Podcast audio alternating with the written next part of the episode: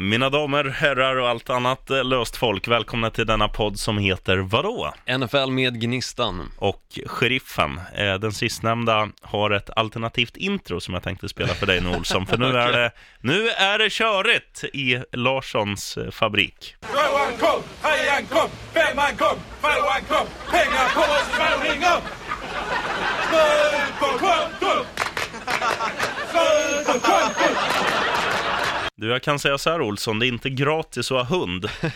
eh, fan är ju fin Rogga. Vi, vi ska snacka amerikansk fotboll, jag måste bara dra det här lite fort. Att, eh, jag och Majsan är två där hemma. Även du och fru Olsson brukar ju vara två där hemma. Nu är hon i Växjö, men du vet, när ni är två, jag bara undrar, hur många toarullar gör ni av med på en vecka? Oh, det beror på lite. Har vi varit ute och supit så blir det ju fler. Mm, Har jag käkat någonting som innehåller mjölk så blir det fler. mm. Så det beror lite på liksom de faktorerna. Men i Standardvecka. snitt, i snitt kanske tre, fyra? I veckan? Ja, det tror jag nog. Ja.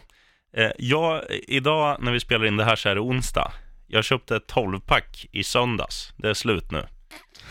Och Majsan går ju aldrig på muggen. Jag skiter en gång om dagen.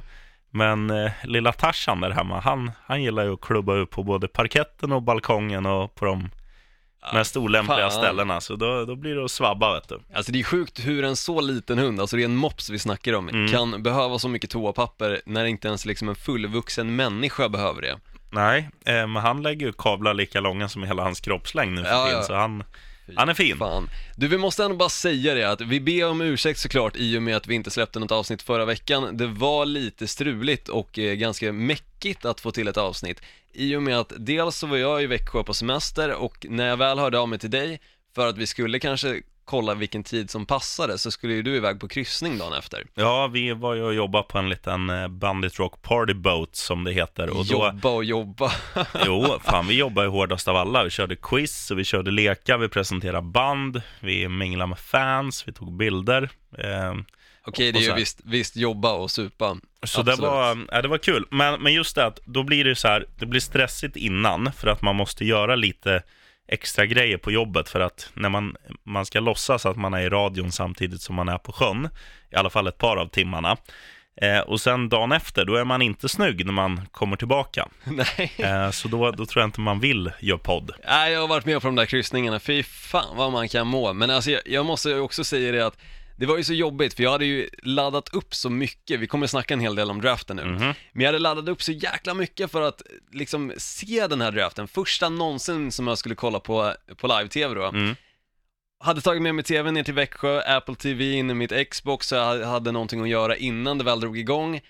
Och det här var ju liksom på torsdagskvällen, så jag hade ju sovit rätt dåligt redan till torsdagen, där på natten. Ja. Plus att jag hade kört bilen ner hela vägen till Växjö och minglat lite med tjejen och gosat lite och sen skulle jag ju då sitta uppe, det här började klockan två på natten. Mm. Det jag kände för när klockan var typ 12 var att jag kanske borde ta någon liten powernap bara för att se till så att jag är pigg när det väl drar igång så jag inte somnar efter första eller andra valet. Mm.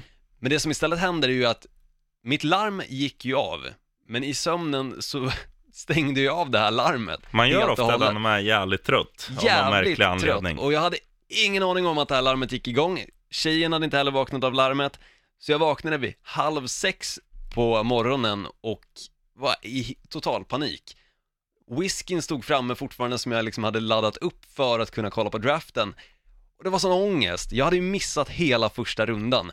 Dock så såg jag andra, tredje och även de andra rundorna, så det var ju alltid någonting. Men just den här första rundan, där det kan hända så jäkla mycket olika grejer, den missade jag helt och hållet. Men jag, jag känner lite så när det kommer till, alltså oavsett vilken draft, om vi snackar amerikansk fotboll eller om vi snackar NHL. Det är kul att veta vem som går etta. Sen, sen kan man fan signa ut. Nej, det är kul att se i och med att under den här säsongen, eller off-season då, har vi ju ändå satt in oss ganska mycket i vissa spelare. Framförallt jag då som har liksom verkligen grottat ner mig i en hel del spelare, Mm. kände ju att det hade varit kul att se vart de väl hamnar. Nu var det ju inte alla som jag hade grottat ner mig i som hamnade då i första rundan, utan det var även några som hamnade i andra rundan och tredje rundan. Men det var ju fortfarande liksom några av de här toppspelarna som man verkligen ville se vart de hamnade, ville man ju få den här live-känslan av att deras reaktioner Mm. istället för att kolla dagen efter. För det är ju samma sak när du kollar en match, alltså de här highlightsen, absolut, du kan se det dagen efter, men du vill ju fortfarande se när det väl sker. Ja, det är För det är inget... då det liksom, det är det som gör hela känslan av sport. Ja, det går inte att tänka så här, fan det är så jävla se- sent Super Bowl eh, börjar, jag ser det i efterhand imorgon. Det går inte, då Nej. tappar det all feeling. Ja. Mm. Det håller jag med om. Men, men just, eh, alltså, draft, det tycker jag, nej, jag tycker det är överskattat. Men det är ju så mycket känslor, det är det som är det roliga. Och det var ju även mycket känslor i andra, tredje och alltså fram till sjunde rundan då som är den sista. Var det ju så mycket känslor, spelare som valdes, alltså att se deras reaktioner, vissa bröt ju ihop totalt. Mhm. Alla var ju såklart inte på plats, men vissa hade ju liksom video, eller ja men filmer liksom hemifrån på deras reaktioner och det, var, det är så eh, sjukt stort att se det. Och se liksom också hur vissa så här gamla lagkamrater, hur de hyllar varandra när de draftas. Ja, Till exempel då, um, Jair Alexander tror jag han heter, jag har inte exakt lärt mig namnet på honom, men åtminstone en ny cornerback i Green Bay Packers. Han hade ju en genuin reaktion när hans tidigare då college-lagkamrat Lamar Jackson blev draftad. Mm. Kommer gå in på det lite mer senare, men det var ju verkligen feeling och att missa den feelingen på live-tv då, gjorde att det försvann lite. mm. ja jag, Man måste upple- uppleva saker live. jag är nöjd att jag sov i alla fall. Ja, men nu, nu, eh, det har hänt lite andra grejer innan vi går in på draften. Ja, men ska vi börja med vårt vanliga intro kanske och sen går vi in på de händelserna? Ah, Fan, det är ju bara 25, vi- du får två sekunder av det. Så, nu är vi igång.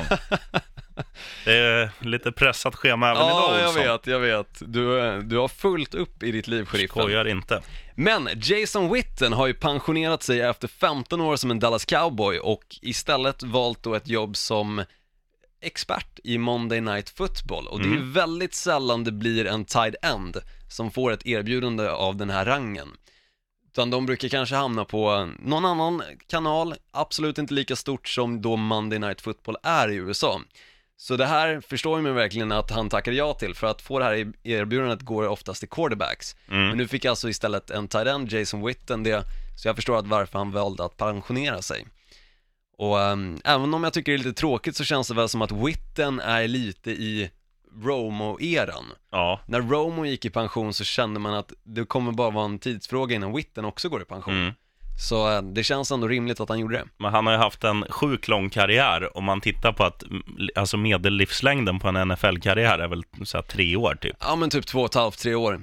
Så eh, han har ju haft lång, absolut, med 15 år i ligan och Mm. dessutom 15 år i samma lag. Ja, Eh. och, och 15 år som tight end, nu ska man inte säga att det är den mest skadebenägna positionen, men det är ändå många, alltså du springer ju ofta uppåt och vänder så att du har ansiktet mot din quarterback och kan få smällar i ryggen som, som gör att eh, både löständer och hjärna eh, lossnar lite där uppe. Ja, de är inte de minsta heller de där snubbarna, alltså de som spelar tight end, utan ofta så ska de ju även fungera som en ytterligare o-line, alltså Mm. även blocka defensiva linjemän, eller linebackers för den delen.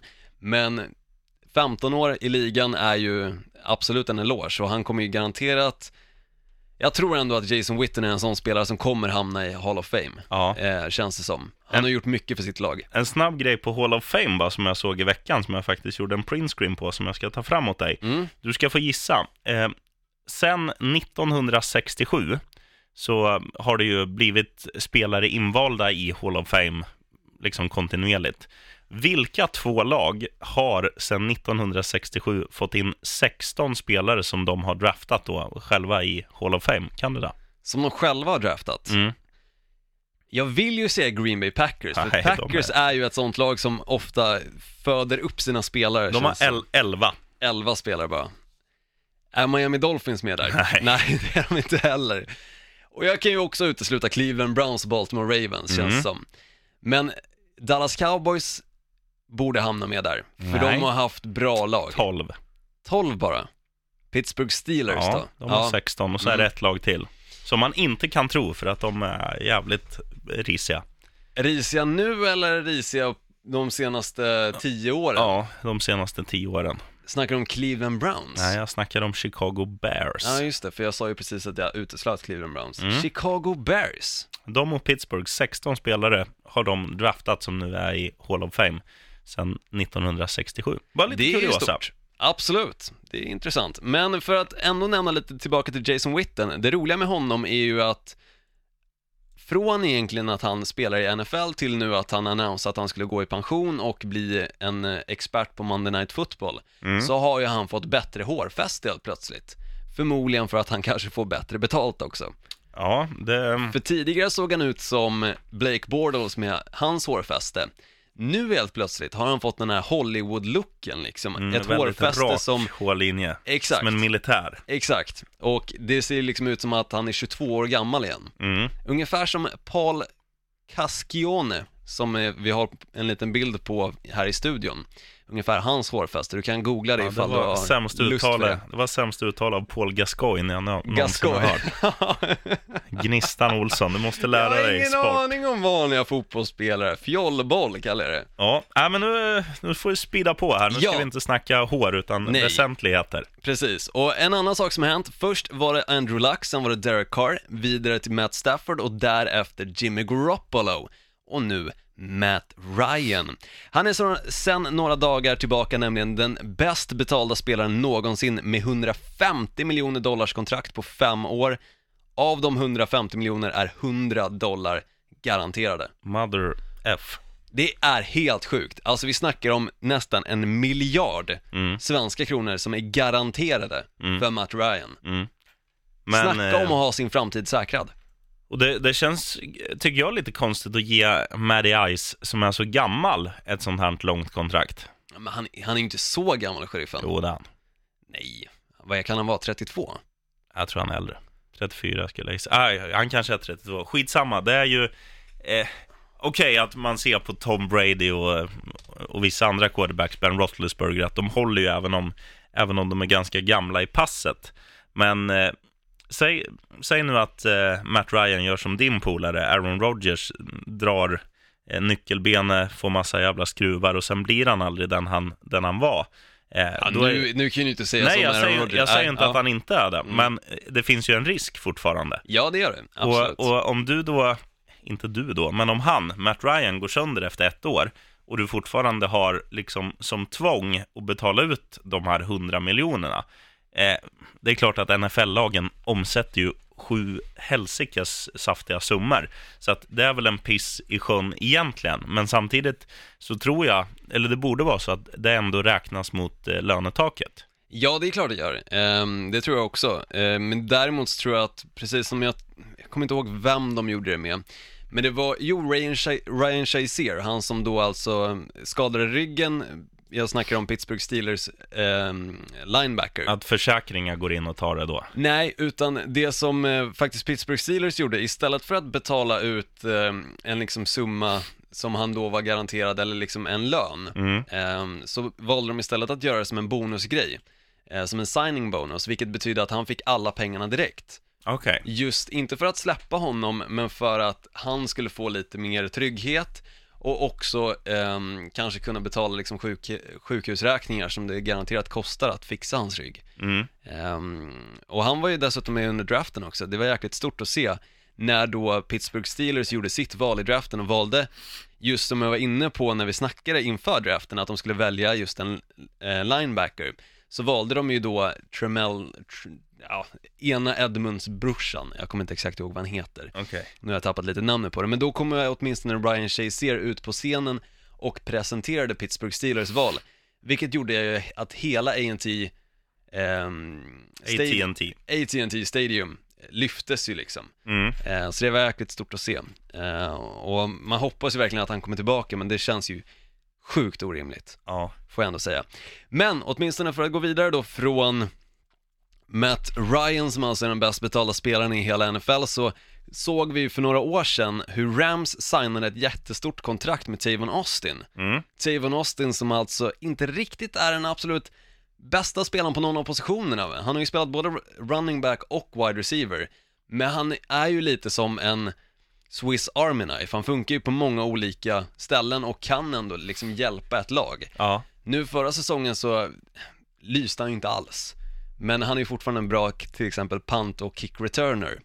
Det som i alla fall har hänt är att han numera är en Dallas Cowboys-spelare, vilket gav Rams ett sjätte runda pick Så han var inte värd mer än det efter alltså två år sedan Nej. han signade det här kontraktet. Det var lite samma, alltså Jay Ajayi gick ju från Dolphins till Philly då under säsongen också mot ett eh, sjätte rundeval, eller om det till och med var ett sjunde rundsval. Nej, sjätte tror jag det var. Tredje var det, sheriffen. Tredje? Ja, så han var ju lite mer värd. Ja, okej. Men jag tycker också, jag fattar liksom inte varför, varför släpper man en, en så pass bra spelare i ett lag som dessutom är, alltså deras bredd är ju deras slagkraft. Att de inte har de här superstjärnorna, men att de ändå har väldigt bra wide receivers eh, ja, på planen. Och nu, nu tappar ju de lite slagkraft eh, offensivt. De har stärkt defensiven nu under offseason, men de, de tappar ju offensivt när de släpper Tavon Austin, tycker jag. Ja, men samtidigt som sagt, förra säsongen så var ju inte det hans bästa och säsongen innan det så var ju inte Rams de bästa heller.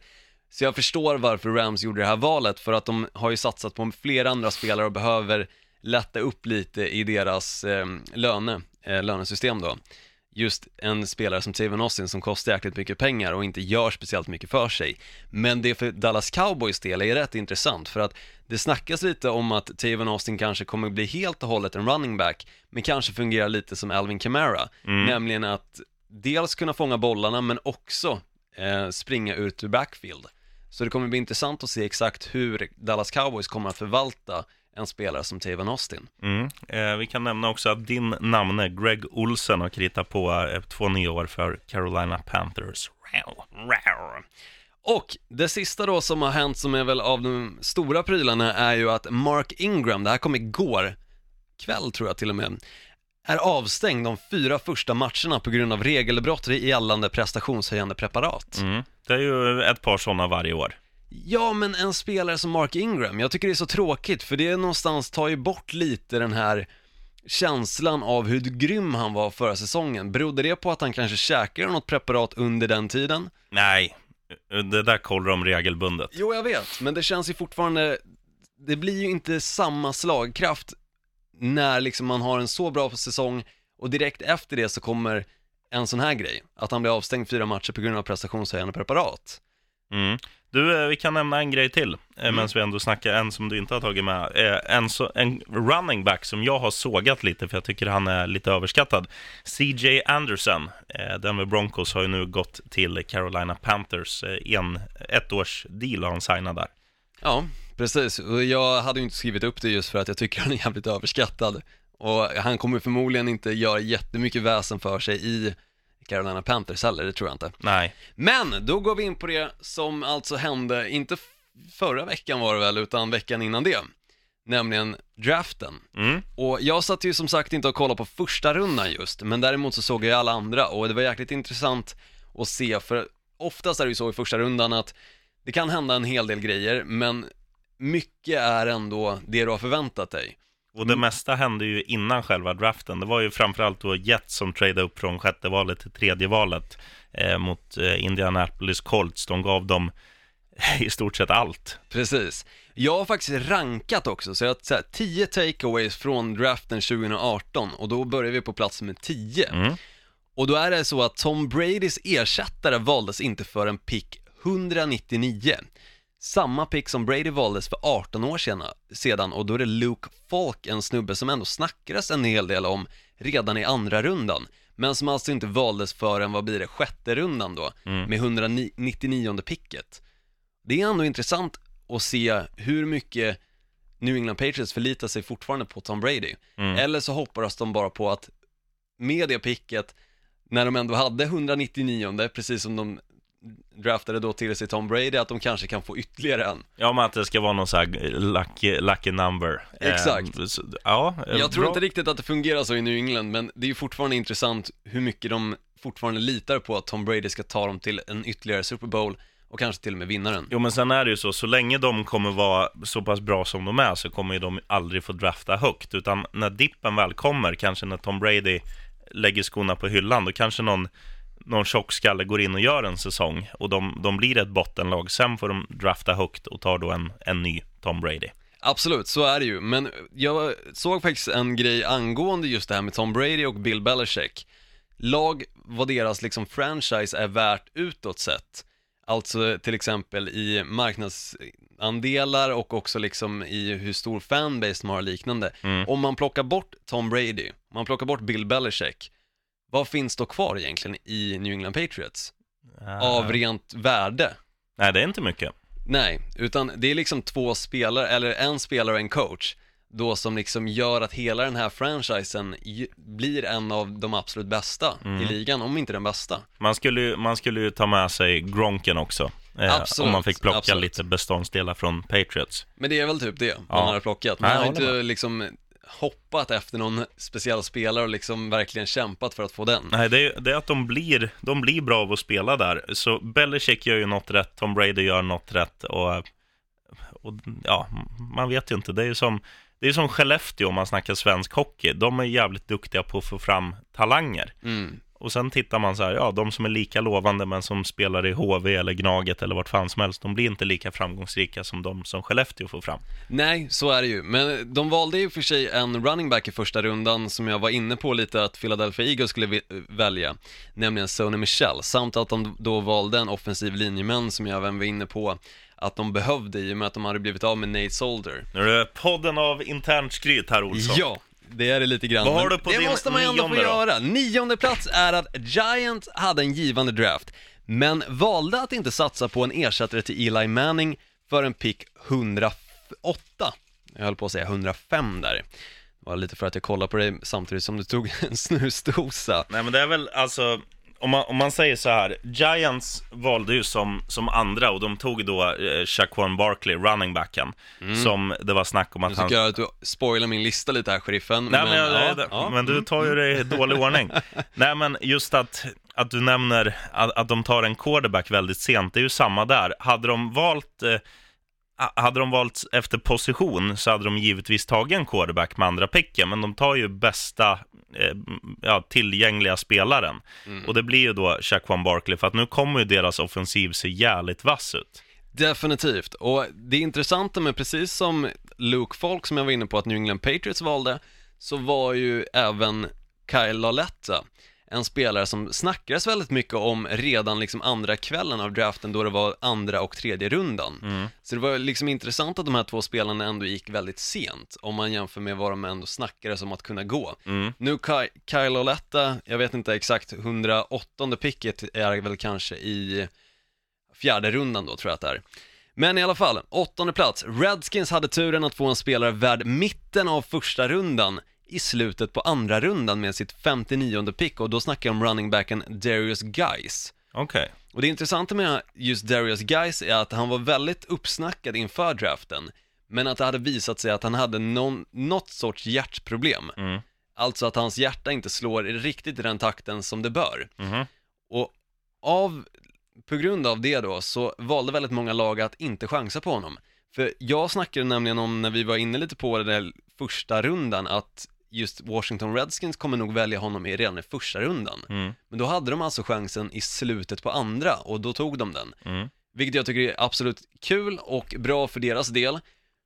Men ändå intressant att se liksom bara hur en sån liten detalj kan göra att du väljs långt, långt senare, vilket innebär också att du inte alls får samma pengar när du kritar på kontraktet. Nej. För första rundan är ju definitivt mest pengar och framförallt då pick nummer 1 till 10. Men jag tror han kommer göra jäkligt mycket för sig i och vara en bidragande faktor i hela Washington Redskins anfall. Får, se- får se om han kanske blir en ny Kareem Hunt då för Alex Smith, Mm. som är intressant.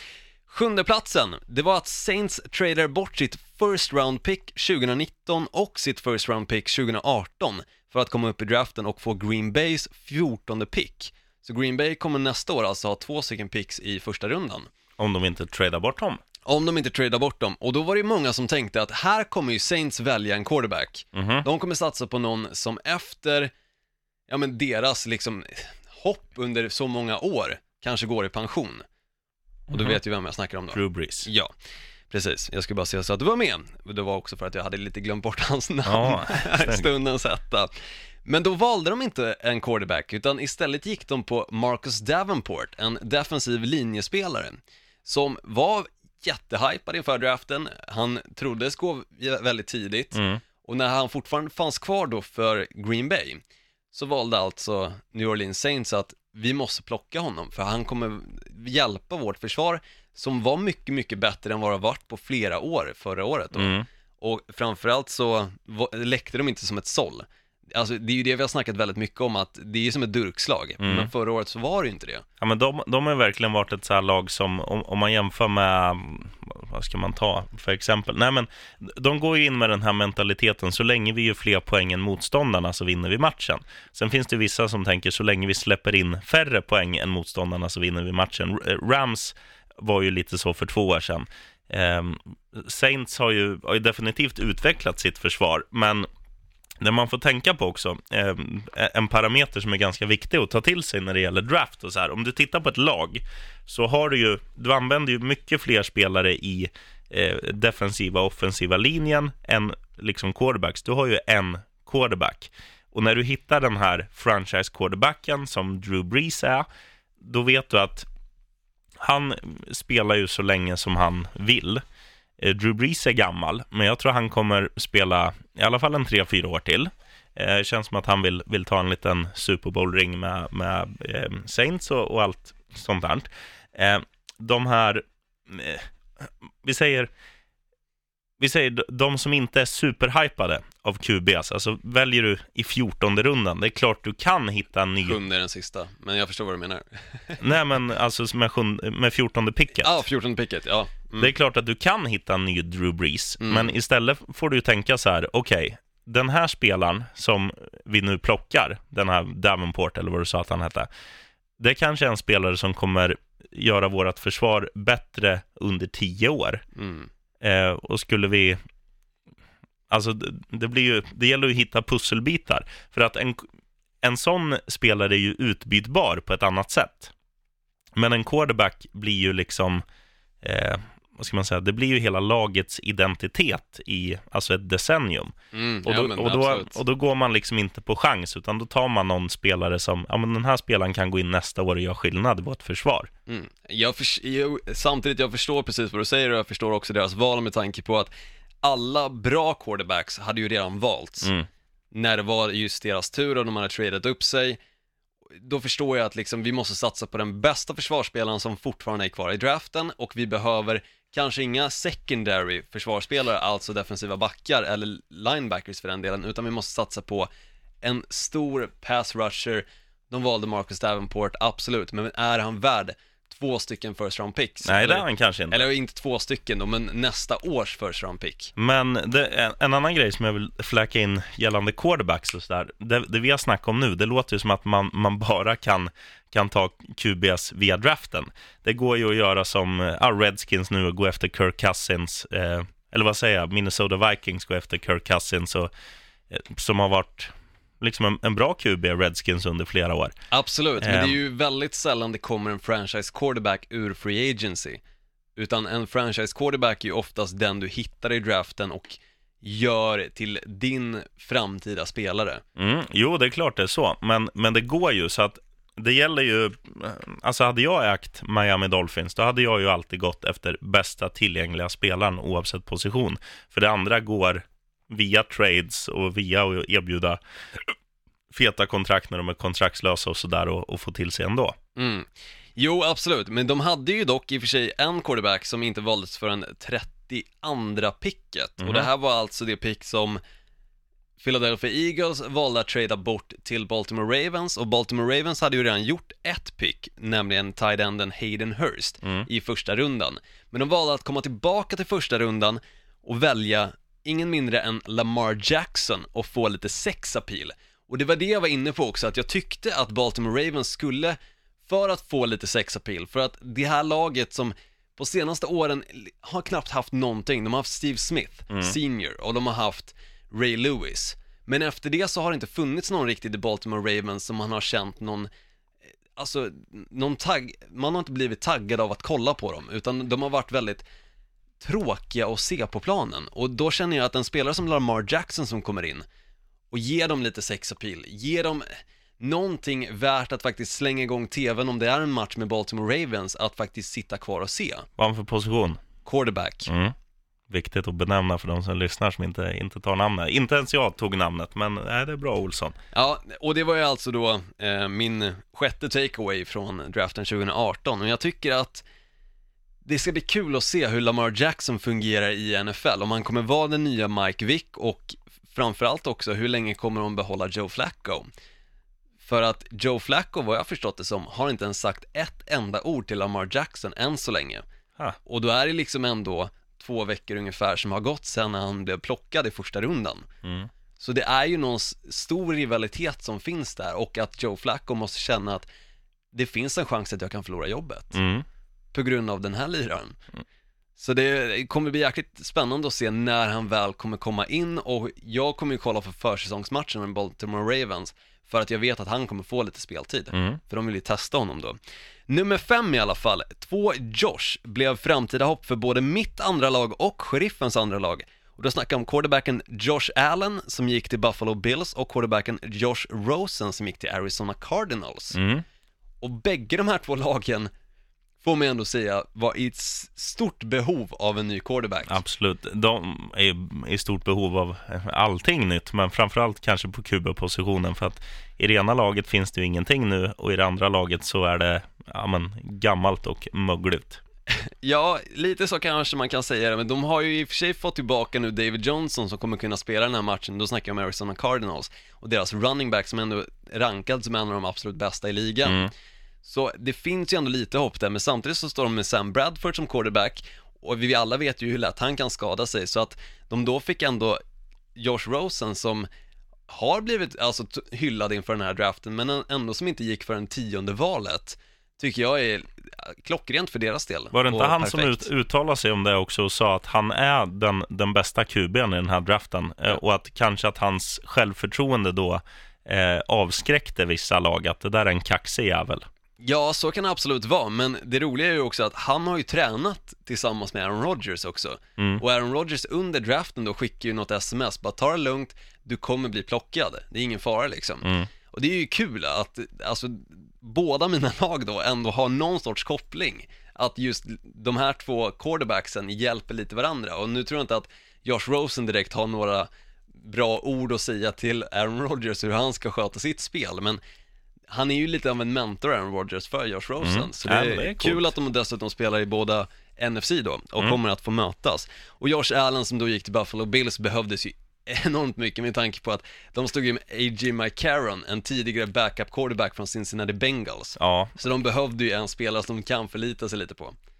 Absolut. Och nej, Buffalo blir en slag på sig i år. Ja men det tror jag definitivt. De och Miami Dolphins tror jag kommer ha det tufft. Finns risk. Och Packers. Fyran då, eh, New York Giants som du var inne lite på, grann på tyvärr redan. Jag Nej, hade det- hoppats på att du hade Nej, men skippat man- det, man men det är klart ju- att har man läst lite så vet man vart han valdes. Ja. New York Giants fick chansen att ta den helt enkelt bästa och mest hypade spelaren inför den här draften.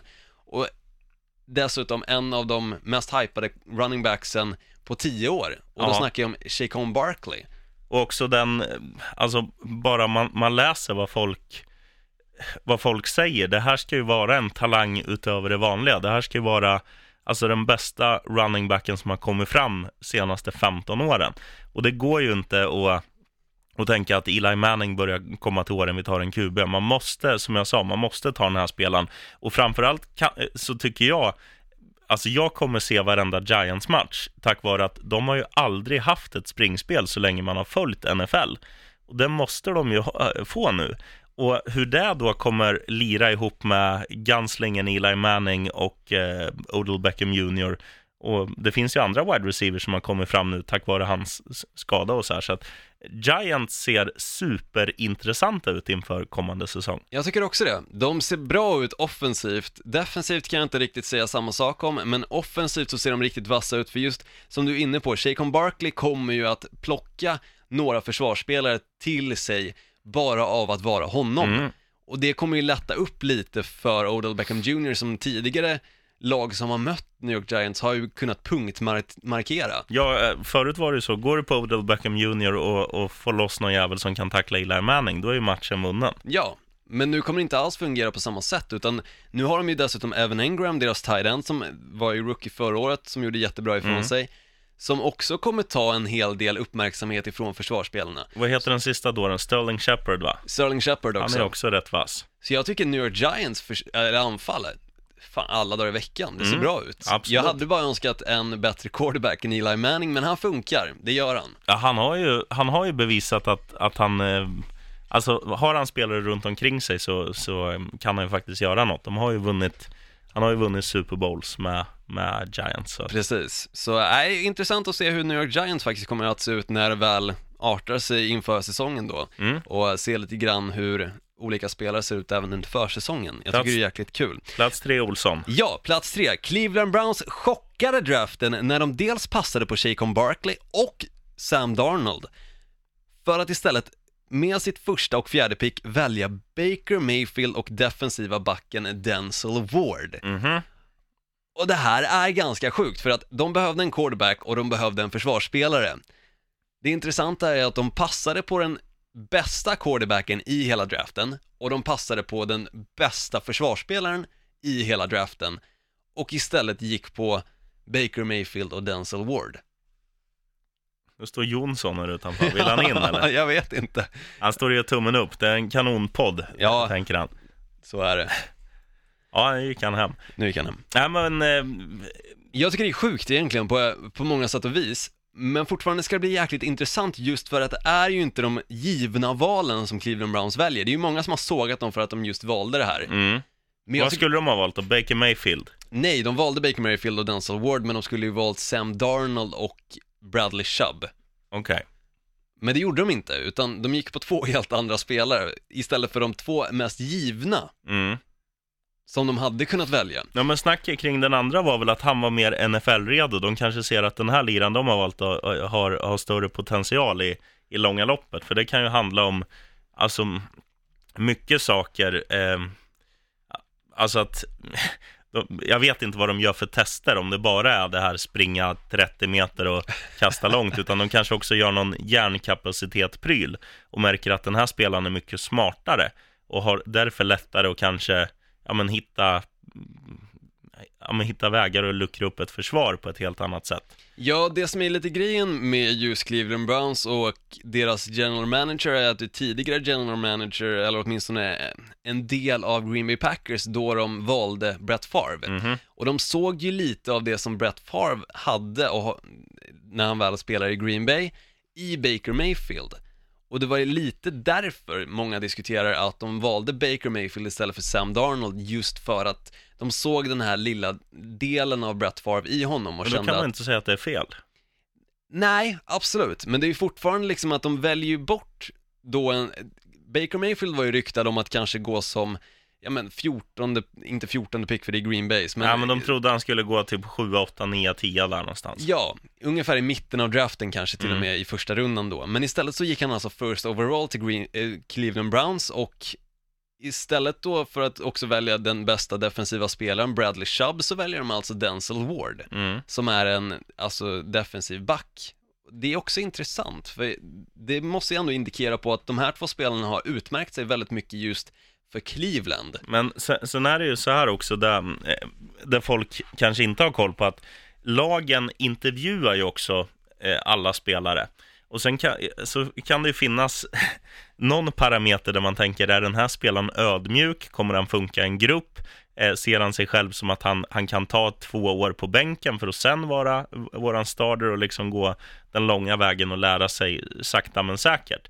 Eh, det är ju också en grej att om du har en som, som, är, som känns lite mer, eh, vad ska man säga, fin skolpojke, eh, en sån som du vill att din dotter går på skolbalen med, kontra en kaxig jävel som, som kanske skjuter heroin på helgerna, då tar du ju den fina skolpojken, även om han, han kanske idag är sämre, men han kanske har en ödmjukhet som gör att han tränar hårdare och allt sånt där och kanske är mycket bättre när han ska vara bra om två, tre år. Ja, men riktigt så är det inte med Baker Mayfield, för Baker Mayfield har ju lite bagage. Han eh, har ju bland annat flytt ifrån polisen i en bil. Eh, Men fan har han inte gjort det? och eh, de- dessutom så är han ju ganska kaxig av sig. Ehm, Så det är ju där Och den också andra som... dåren kanske är ännu mer kaxig. Så kanske det kan vara, man vet inte. Men jag tycker fortfarande att det är intressant och med det så går vi in på den andra punkten då, som är alltså att New York Jets och Denver Broncos blev med Browns picks riktiga vinnare då Jets kunde säkra framtiden med draftets bästa arm hos Sam Darnold och Denver kunde påbörja sin uppbyggelse av sitt försvar med Bradley Chubb. Mm. Och jag såg också en video, responsen på Von Miller, när han fick reda på att Bradley Chubb skulle bli hans lagkamrat. Han var nöjd. Han total exploderar av glädje i sitt vardagsrum och det var kul att se för att det visar ju verkligen på, med tanke på hur duktig Von Miller är, när han får den reaktionen av att Bradley Chubb ska bli hans lagkamrat så förstår man ju ändå hur bra Bradley Chubb har visat sig vara. Mm. Och jag, märkligt ändå att de inte valde honom, men sån, sån är draften. Mhm. Det är det som är intressant. Och då, för att gå in på första punkten, och i och med att jag inte har nämnt någonting om det, du som kanske sitter där och väntar lite på när kommer de att snacka om den här liraren som alltså gick till sin tvillingbror, så kommer den in nu. När historia då skrevs då Shaquem, Shaquem Griffin blev som första spelare med en hand vald av Seattle Seahawks i femte rundan med deras 141 pick. Mm. Samma lag som förra året alltså valde hans tvillingbror Shaquille Griffin. Jag tycker det här är stort. Ja, det är skitcoolt. Och ehm, jag tror ju att, att han faktiskt kommer göra, eh, göra det bra i NFL trots sitt handikapp. Men han har ju redan visat, vad jag har förstått det som nu under deras minicamps, att han är duktig och han kanske kan till och med ta en plats i laget. För de har flyttat honom från en position till en annan för att den positionen är mycket bättre för hans del. Och jag tror att de har flyttat honom till vänsterkanten istället för som han tidigare var på högerkanten. Ja, Och det visar ju ändå lite på att här kanske vi, vi kan utnyttja honom på ett bra sätt och jag tror att vi kommer få se lite av Shaquem Griffin under kommande säsong. I och med att dessutom Seattle Seahawks som alla vet inte riktigt har något bra anfall. mm. Så det kommer bli jäkligt intressant att se det här. ja absolut. Det blir, det blir stort. Och med det så var det faktiskt allting som var just under draften och jag tänker att nästa vecka så går vi in lite på en Cleveland Browns special och så kommer vi ta paus efter det. Ja, fan vad skönt.